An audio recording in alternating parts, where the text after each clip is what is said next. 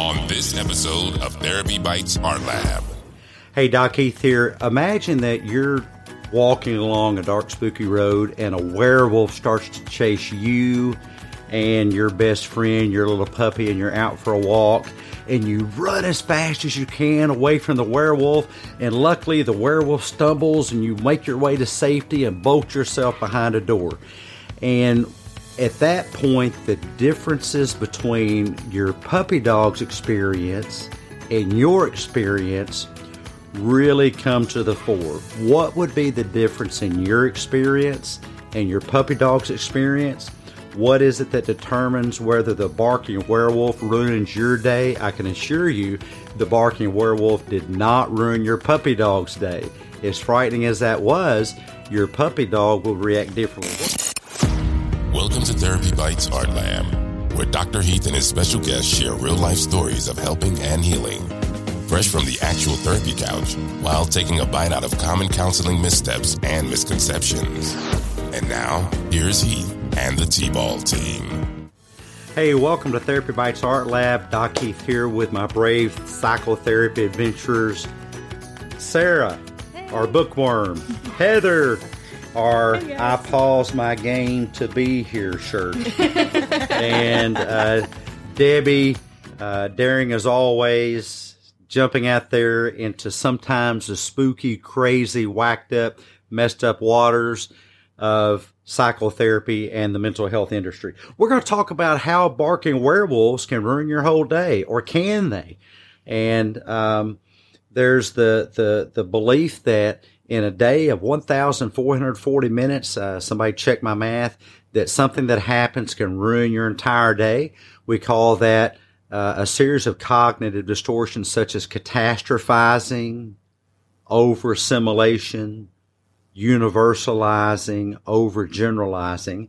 And we're going to talk about from the depths uh, beneath the psychotherapy couch some experiences that patients have been through that we've seen and heard tell of. And again, just a quick disclaimer if this sounds like you, be assured this is not you. We mix and mash up stories. It's it's it's almost like mashed potatoes, so you really couldn't tell with any any uh, reliability who this is. Uh, of course, all the names have been changed to protect the innocent, and the stories we do tell that that are based on people's lives, we've actually gained permission to do so. And they want to share their stories to help other people. Well, gang, what are some stories you've heard about such things as mind reading, people's experiences with their own locus of control? That's a term that we'll get to later. Mm-hmm. And uh, some of these other cognitive distortions. I've heard, I've heard a lot of people express, you know, but everything negative, everything happens to me, kind of like uh, Murphy's Law.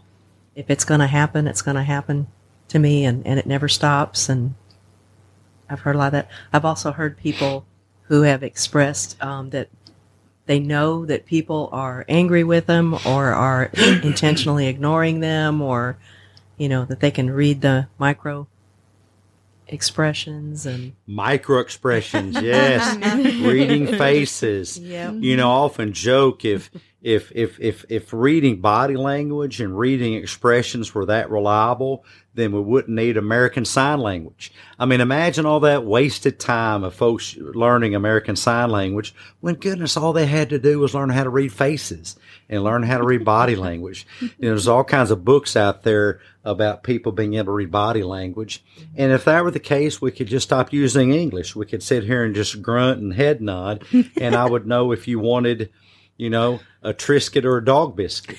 But I mean, actually, we, we are both blessed and cursed with language, uh, uh, language which is not certain, language sometimes which is sloppy and messy. But why would language uh, lack often such specificity. Mm-hmm. The reason that language lacks specificity is, I think, by design. I think it's engineered to lack specificity so that we have to dig and work, and in doing so, we deepen our relationship with each other. Absolutely. Wait, but Dr. Heath, what if somebody's mean to me? What if they say something that I don't approve of or that's harsh and that I don't I'd rather they didn't say? Off with their head. Yeah, I know. Off with her head. know it's gonna hurt It should me. be Yeah, illegal. exactly, and they know you it's gonna hurt listen. me. You can never say anything that others disagree with. Stop it. Just stop it. Only you can say things that people disagree with. If you say things that someone disagrees with, then you are manipulating or toxic or gaslighting or controlling. Shame on you. of course, all that is so much ridiculosity. There's a new word for you. ridiculosity. I don't have enough fingers that. My coffee's in this hand. Uh, but, you know, when, I mean, think about what you're saying. When you're saying, what if somebody says something to hurt my feelings? What you're failing to realize is that, uh, let's just say it's the barking werewolf that has hurt your feelings, you know, since it's spooky season and Halloween. That means you're giving up your power to be able to decide what to think about the behavior of this, well, werewolf. By the way, spoiler alert, the werewolf dies at the end. you know, the old movie. It doesn't work out well for the werewolf. And he was really a nice guy, you know. Uh, Lon Chaney Jr., I love him. He's a, he's a great actor. Um, but just think about it. You, you're really giving up your power, uh, programming your brain to believe that you can't think any differently than what you're thinking. I mean, and if you want to do that, I'm all for it. I believe in your free will. Exercise your free will any way you choose. I'm just here to share with you an alternative that you could choose to think differently. You could choose to sacrifice the belief, and it is a sacrifice because, I mean, when it comes to some of these social media pseudo psychological nonsense Kool Aid drinking terms, uh, there's an upside. You know, you, you get to be part of a group that that basically has chosen to uh, label themselves as victims, uh, to uh, sacrifice any kind of internal locus of control. You know, there's internal locus of control, external locus of control. And let me just pause there and get the uh, uh, some some thoughts from my esteemed colleagues here on what you think about internal versus external locus of control, and maybe your own experience in your life. Right. Well, the, the way that I've always thought about it, and the, this is the way that I, I describe it when I'm working with people, is with an external locus of control, my reactions, I base them on everything that's around me. So if somebody says something that I don't like, oh, well, you know, that's that's like we're talking about today that's going to ruin my day but i'm the one who's actually allowing that to happen. Now if i have an internal locus of control that doesn't mean that stuff doesn't happen. It's still going to happen but i get to determine what i'm going to tell myself about it and i make my decision based on that.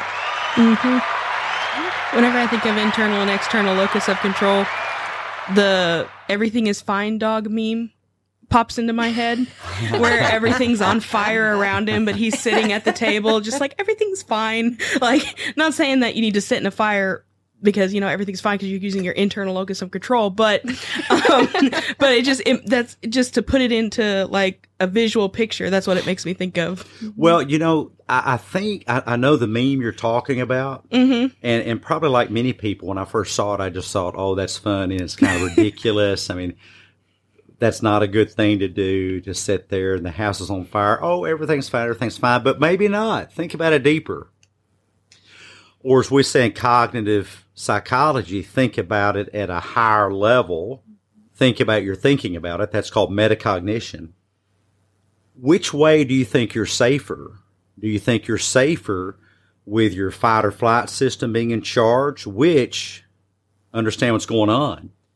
The brain is is really on all humans highly compartmentalized. Uh, blood flow in the brain, uh, cortical blood flow cannot go every direction all at once, uh, and and and and light up every area of the brain simultaneously. That's what happens with epilepsy. That's an epileptic seizure, you know, when everything's lit up at once. Uh, uh, imagine what you're sacrificing when you're in that fight or flight mode. You're sacrificing uh, often working memory. Mm-hmm. You're sacrificing task segmentation. uh, you're sacrificing maybe the very thing that's going to save your life. I mean, it's not for nothing that special forces soldiers are trained to do mathematics under heavy fire. Because if you can train your brain to, in a way, short circuit the fight or flight response so that some of these higher cortical functions can take over, well, then you're safer. Or do you want to be all fight or flight, which I, I mean, I, I had a, a friend of mine that was diving and experienced that. I mean, it's probably due to oxygen loss and other things. Uh, but he literally, literally uh, got up confused with down and mm-hmm. swam deeper and drowned. Mm-hmm. You see, if you're in fight or flight in a house fire, and and my house burned down when I was young. I was uh, a sophomore in college, and my brother uh, beat on the door to wake me up in my bedroom and said the house is on fire, and I was disoriented. And I grabbed a pair of pants that I hadn't worn in five years, and they were too small for me, and I was half naked, running out of the house, you know. But when you're in fight or flight, all your higher functions go away, mm-hmm. or you can train them the other direction, and therefore setting being able to say everything is fine, even when the world's on fire may just save your life. Do you want in a ER situation people running around like their their heads on fire when it's not? Or do you want cooler heads to prevail mm-hmm. and to be able to operate on you? Right. And people will talk about, you know, toxic positivity is one of the ridiculous memes on social media now. I don't see how positivity can be toxic. The, the, the actual literal meaning of the word toxic is something that is physiologically poisonous to you. And if, if we could poison people with, with, you know, positivity, I'm sure we would have already sent agents of toxic positivity to Vladimir Putin and he'd show up tomorrow dead, you know, cause of death poisoned to death by positivity. uh, but really, just to tell you what's really going on behind the scenes, is there are people that catastrophize someone else's positivity. They will look at the person and they will catastrophize it and they will label that toxic positivity, you know. But, uh, uh, I mean, we could have labeled it the, the toxic positive werewolf ruins the day. You know, I mean, maybe the werewolf came up and you know sang you a melody or something, you would think, "Oh, the werewolf killed me with their toxic positivity," and it's just so much nonsense. Oh. But um, external and internal locus of control. What what are some other thoughts on that point? One of the thoughts I always have with external and internal locus of control is whatever the situation is, it is what it is. Mm-hmm. And so how you choose to interpret it is the only thing that's kind of the variable there. Mm-hmm. You can decide how you're going to choose to think about what's going on. You can either, you know, like like Sarah and Heather said, the external is allowing those things to control what you're thinking or like, oh, these things are awful. But the internal locus of control is making the decision yourself. What am I going to decide that's accurate, realistic, you know, and healthy about this situation. The situation remains the same. How well it benefits you depends on how you choose to think about it. Mm-hmm. One of my favorite terms, Albert Ellis, awfulizing. Yeah. awfulizing. Yeah. And that's what people do, this toxic mm-hmm. positivity thing. They're just awfulizing it. Mm-hmm. And with the barking werewolf ruin my day, I mean, how long, I would ask, how long did the barking werewolf chase you? Well, I mean, I don't know how far fast you can run at full sprint, but I, I, I think that it's going to be in terms of, um, what, 90 seconds, 90 to 120 seconds. And how would that 90 to 120 seconds dictate uh, the other 1300 plus minutes. Mm-hmm. I don't, uh, I think that's catastrophization and oversimulation, mm-hmm, mm-hmm. thinking that the bulk of your day was defined by this little slice of time, mm-hmm. which you're welcome to think that. But the question I would have is if you could think differently then why would you not at least try it on for size? Mm-hmm. Uh, You're listening to Therapy Bites Art Lab, bite sized therapy for your brain with Dr. Heath and the T Ball team. The best advice on the net. No copay required. Uh, we talked earlier about the differences between the human's experience running away from the barking werewolf and your puppy dog's experience running away from the barking werewolf. What do you think would be the differences in those two? It made me when you started talking about that. It made me think of a picture that I saw earlier. It had a dog sitting on the ground and a man sitting on a bench, and the dog was thinking about the exact picture that you saw him sitting by his owner. But the owner had thought bubbles above his head, and it was bills, an airplane, um, what he was needing to do next, and it showed. When I saw that, I was like, "Oh, he's thinking about." He's missing the happy moments. Like whenever you think about and you let something ruin your day and you're thinking about other things, you're missing the pre, you know, you're missing some moments in time that you're missing some moments in time that could be very special and memorable. Exactly, exactly. I mean, uh, I often um, uh, have a thought experiment with patients. I'll say, imagine it's the very last 180 seconds, three minutes, the last three minutes of your life. And uh, a curtain of the universe opens, and fate or or the creator or an angel steps out and says, Do I have a deal for you? Uh, you're going to get one more year to live. One more year to live. Uh, however, if you take this agreement, if you take this gambit, every day of your life, you'll have to experience that 90 seconds of the barking werewolf chasing you. But the rest of your life for that whole year is yours. You can spend it however you want. I mean, are you really going to say, oh my goodness, no, if it's the barking werewolf, I can't have that. Just go ahead and kill me now. Mm-hmm. Well, I don't think so. I think you would take the year and then you become accustomed uh, to running from the werewolf. Right. I mean, you might be in even great shape. you know, yeah. you might knock out a, you know, I don't know, a, a, a six minute mile or something. uh, but but see, it's it's actually underthinking. We hear a lot about overthinking. In my experience, and I've done this thirty eight years, I uh, I've never once ran into somebody I actually thought fit the definition of thinking too much about something. Mm-hmm. Uh, they will actually ignore other important factors of the situation, and that's a big one. Mm-hmm. Ignoring that this is only a small slice of time. What are some other differences do you think there are between your your favorite puppy dog and and the, and the or yourself or the human running from the uh, barking werewolf?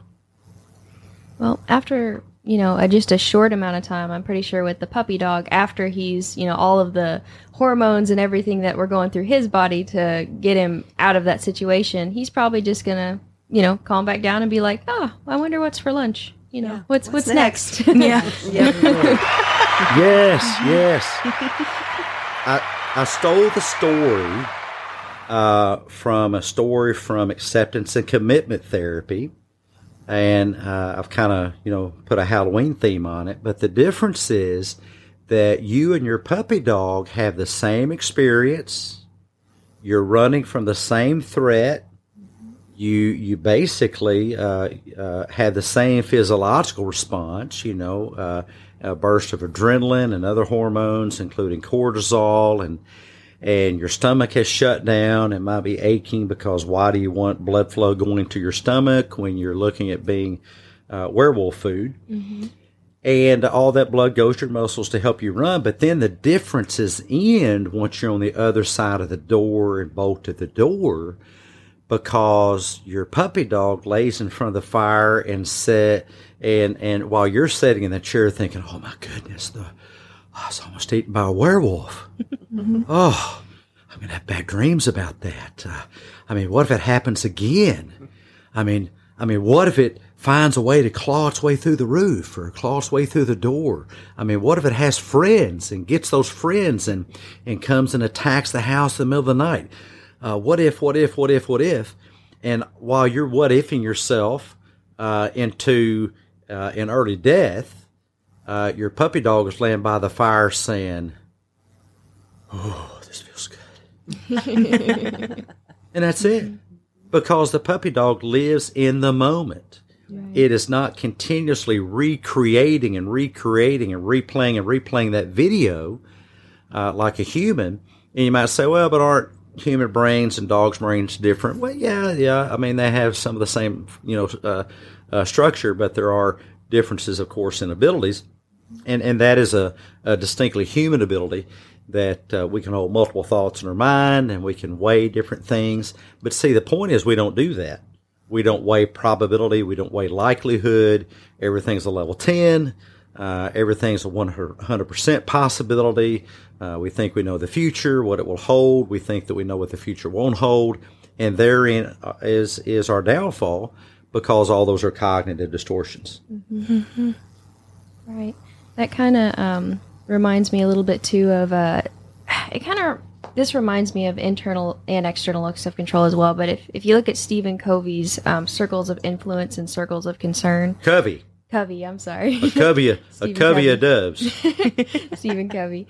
Um, but I saw in a, in a diagram, I was I was reading an article on it, and I saw in a diagram where it talks about uh, a proactive approach versus a reactive approach. Um, so kind of acknowledging what areas do you actually have control of, which that's your area of influence, what you actually can control, and, and it's a proactive, so you're actually working towards something versus where your concerns are where you don't have any control over it. So in that diagram, the more you focus on the things you don't have control of, your circle of influence, it shrinks. But when you focus on things you do have control over, your circle of influence um, becomes bigger. Thank you, thank you, thank you. Took, took the words right out of my mouth. Yeah, yeah. It, it's it's it's whatever circle. If you focus on the uh, the donut hole, mm-hmm. your circle of influence that grows. If you misdirect your efforts at focusing, uh, as as Sarah said, on your circle of concern, well, you'll make your circle of influence shrink. Mm-hmm. It's it, it is actually a conscious decision uh, that that we have to make. And and by the way, not deciding is a conscious decision. Mm-hmm. Um, and and the whole, you know, uh, how, how, did you talk about those reacting versus? Oh, right. He called it a um, a proactive approach versus a reactive approach. Yes, yes, and and, and without knowing it, God rest his soul, because he died of a bike accident several years ago. By the way, very sad. But he was a really old fella. I actually was trained by Stephen Covey years ago, and um, went around the country teaching his seven habits of highly effective people. He was a very impressive man, but. Uh, uh, uh, what he's talking about without knowing he's talking about it is is the proactive approach is something you have to train your brain to do. Mm-hmm. It will not just do it automatically. Thinking that your brain will pick this up automatically makes about as much sense as thinking that I could throw you a golf club and you could go out there and hit an eagle or something mm-hmm. at the side of Tiger Woods. I mean, that's not going to happen. no. It takes practice. No. Reactive is uh, you can think of your foot on the brake or gas pedal. Mm-hmm. Uh, years ago when I learned to drive, I kind of wondered as a kid if we have a left foot and a right foot, why don't we use our left foot for the brake and our right foot for the gas pedal? Right. I mean, you're neglecting a whole foot. Mm-hmm. But of course, there's some good reasons for that because you would get them confused. You really don't want to hit the brake and the gas pedal at the same time. Uh, but uh, uh, every time you hit the brake pedal, that is reactive. It's not a bad thing. It's just what you train your brain to do. But the point that Covey makes is that reactivity, which is actually you know, hardwired embedded programming may not be very effective for the situation. You know, for instance, right. let's just take PTSD. Uh, it's not. It, it's it's it's normal uh, to uh, to to have lots of reactivity with PTSD, but it may not be the best fit for the situation. You know, I've had soldiers in therapy with me who would run off the road and have terrible wrecks trying to avoid a cardboard box in the middle of the road. Now, Think about that. Why would that ever happen? Well, because it is reactivity, or as we call it, over assimilation. It is a cardboard box here today that maybe last week when I was in this country, in country, uh, uh, Afghanistan, Iraq, could have had a bomb in it. Right. But you're not in Afghanistan, Iraq. You have to be proactive and actually break some connections. In hypnotherapy, we call it collapsing anchors, mm-hmm. collapsing some connections between this external reality and this internal hardwiring. Mm-hmm. Right. And, and another term for that is not another term for that differentiation. Ah, mm-hmm. diligently differentiating. The brain loves differentiation, uh, and it does it very well, but it does have to be trained because the brain wants to assimilate everything to lower the learning curve. I mean, imagine if you had to be trained to drive every time you bought a new vehicle Oh, goodness. Oh, or to use a coffee cup properly every time you got a new coffee cup. By the way, we have these on our website on Shopify. Go in there, drop a few dollars, and you can have your own Therapy Bites Art Lab mug. uh, my team created them. They're great. Uh, lovely gifts, stocking stuffers, what have you. Uh, but imagine having to be retrained to do everything every time you got a new one. A new iPhone, you had to go to iPhone school to learn how to use your new iPhone. Well, the brain assimilates, and that's a good thing, but it can also over assimilate. And it's the over assimilation. This box is the same box as I confronted in Afghanistan, uh, or this whatever uh, uh, boss or next door neighbor or uh, person that has a different skin color than me is the same as something I've seen on TV that ended in, tra- ended in tragedy. Well, that's over assimilation, and it's going to result in those false positives that we talked about in an early episode. And another thing we talked about was um, was uh, mind reading. How does mind reading come into play with this? Right. Well, if, you- if you're looking at, um, even if we use the example of somebody who has been in an abusive situation before, so they're talking to somebody that maybe they've met, maybe they haven't met, but they're, you know, participating in over assimilation. They think they know what that person's thinking because maybe they've got um, a similar facial expression as their abuser had, or maybe they've got a, a certain, um, you know, holding their body a certain way. And so they're like, oh my goodness, I know what it is. This person's mad at me, or I'm in trouble, or, or something like that. Yeah, yeah, and and and one of the best things for us to figure out uh, i- i- are, are not just our abilities and capabilities, but what abilities we don't have. And I know it's you know Halloween, and and I lo- I know it's the day of psychics, and we you can go and get your palm read or your mind read, but. Uh, you know, no, no offense to anybody, but uh, one of the famous psychics, Jeane Dixon, she died years ago. You would have thought she saw it coming. Uh, but uh, the point being, I'm sorry, guys, not to burst balloons. There's no such thing as somebody with psychic ability. Or otherwise, you'd have people that were, you know, much more fabulously wealthy. Uh, you meet lots of poor psychics. I mean, it's not good advertising, but you meet lots of poor psychics. You expect with psychic activity, they'd all be Warren Buffett or Bill Gates or somebody like that. Um, but uh, we got a few more minutes uh, before we wrap up. But just to kind of put a finer edge on it, uh, you have a choice whether to give up your power to this external locus of control, to the barking werewolf, no matter what that is. Maybe the barking werewolf is in the form of your boss or a spouse or a friend or somebody on social media. I mean, it's such a tragedy that we've had so many suicides and they track it back to social media. Uh, and people do say horrible things to people on social media, and they shouldn't. We're we're in the same choir there. But what's really going on is that person decided to sacrifice their internal locus of control and assimilate some nasty negative things that others are saying to them, but they didn't have to do that. I want to tell all of you listening that you have the power to decide what to think about the verbalizations of other people. Should people be courteous? I think so. Mm-hmm. Uh, should people name call? I don't think so. I don't think that's courteous. But please don't farm out your self concept and your mental health to another person that you may not even like anyway. I mean, are you going to hold hands with them and take long walks in the park? Then why would you integrate what they say? Why not do as the famous Roman philosopher king Marcus Aurelius uh, termed it, uh, air set in motion? Or I would add to it, since we know about sound waves, sound waves carried on air set in motion. How would someone calling you a doo doo head, or why would you let someone calling you a doo doo head adversely impact your internal locus of control in regards to your self concept. Mm-hmm. They don't get to decide who you are. You get to decide who you are. Mm-hmm. I was in a social media debate the other day. Here's your social media debate for the day. And the person used a popular term, which is really just another form of bullying.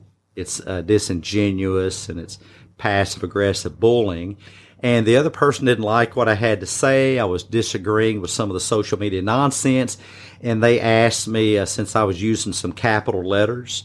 They said, "Why are you yelling?" Well, you know, letters in text have no volume. I mean, I get it, but it's just uppercase letters, by the way. That's a cognitive distortion they were having. Saying, I hope you're okay and you get the help you need. Well, they don't know me. I mean, I do need some help. I need some help mowing the yard. Uh, y'all come over. Uh, I've got a hole or two to dig. Y'all come on over. Yes, I need lots of help. Uh, I have some concrete to fix around the pool. Hey, y'all come on over. I'm always need lots of help. Uh, but they were talking psychological help. Well, I mean, they were trying to what? Diagnose me without a degree? I mean, it's not up to them what I decide to think about that. It's up to me. And I want to leave you today at the end of this episode with what how we always like to conclude episodes is in the debates in your life, you're in charge of deciding your thoughts. We first engineer our thoughts. We, not others. We engineer our thoughts and then our thoughts engineer our lives. Thank you for joining us on the podcast today. We got another one coming up. Go back and watch the others if you've not seen them yet. Catch our feed on social media. On Instagram, it's doc.heath, doc.heath, just like the candy bar. Everywhere else, it is in some form called Therapy Bites. Have a great one. Take care of yourself. Have a happy spooky season. Bye. Bye. Hey, T-Ballers. Thanks so much for being with us today. If we brought value to your day, show us some love by leaving your positive feedback and inviting some friends to listen in and join the T-Ball team. Next time on Therapy Bites Art Lab. Today we're going to talk about zombies, depression, and quicksand. How are they similar? I mean, as a kid, I used to love movies, and if you fall into the quicksand, be as still as possible because the more you move, the more you sink. With depression, it's opposite. When you're in the quicksand of depression, the less you move, the more you'll sink. Join us.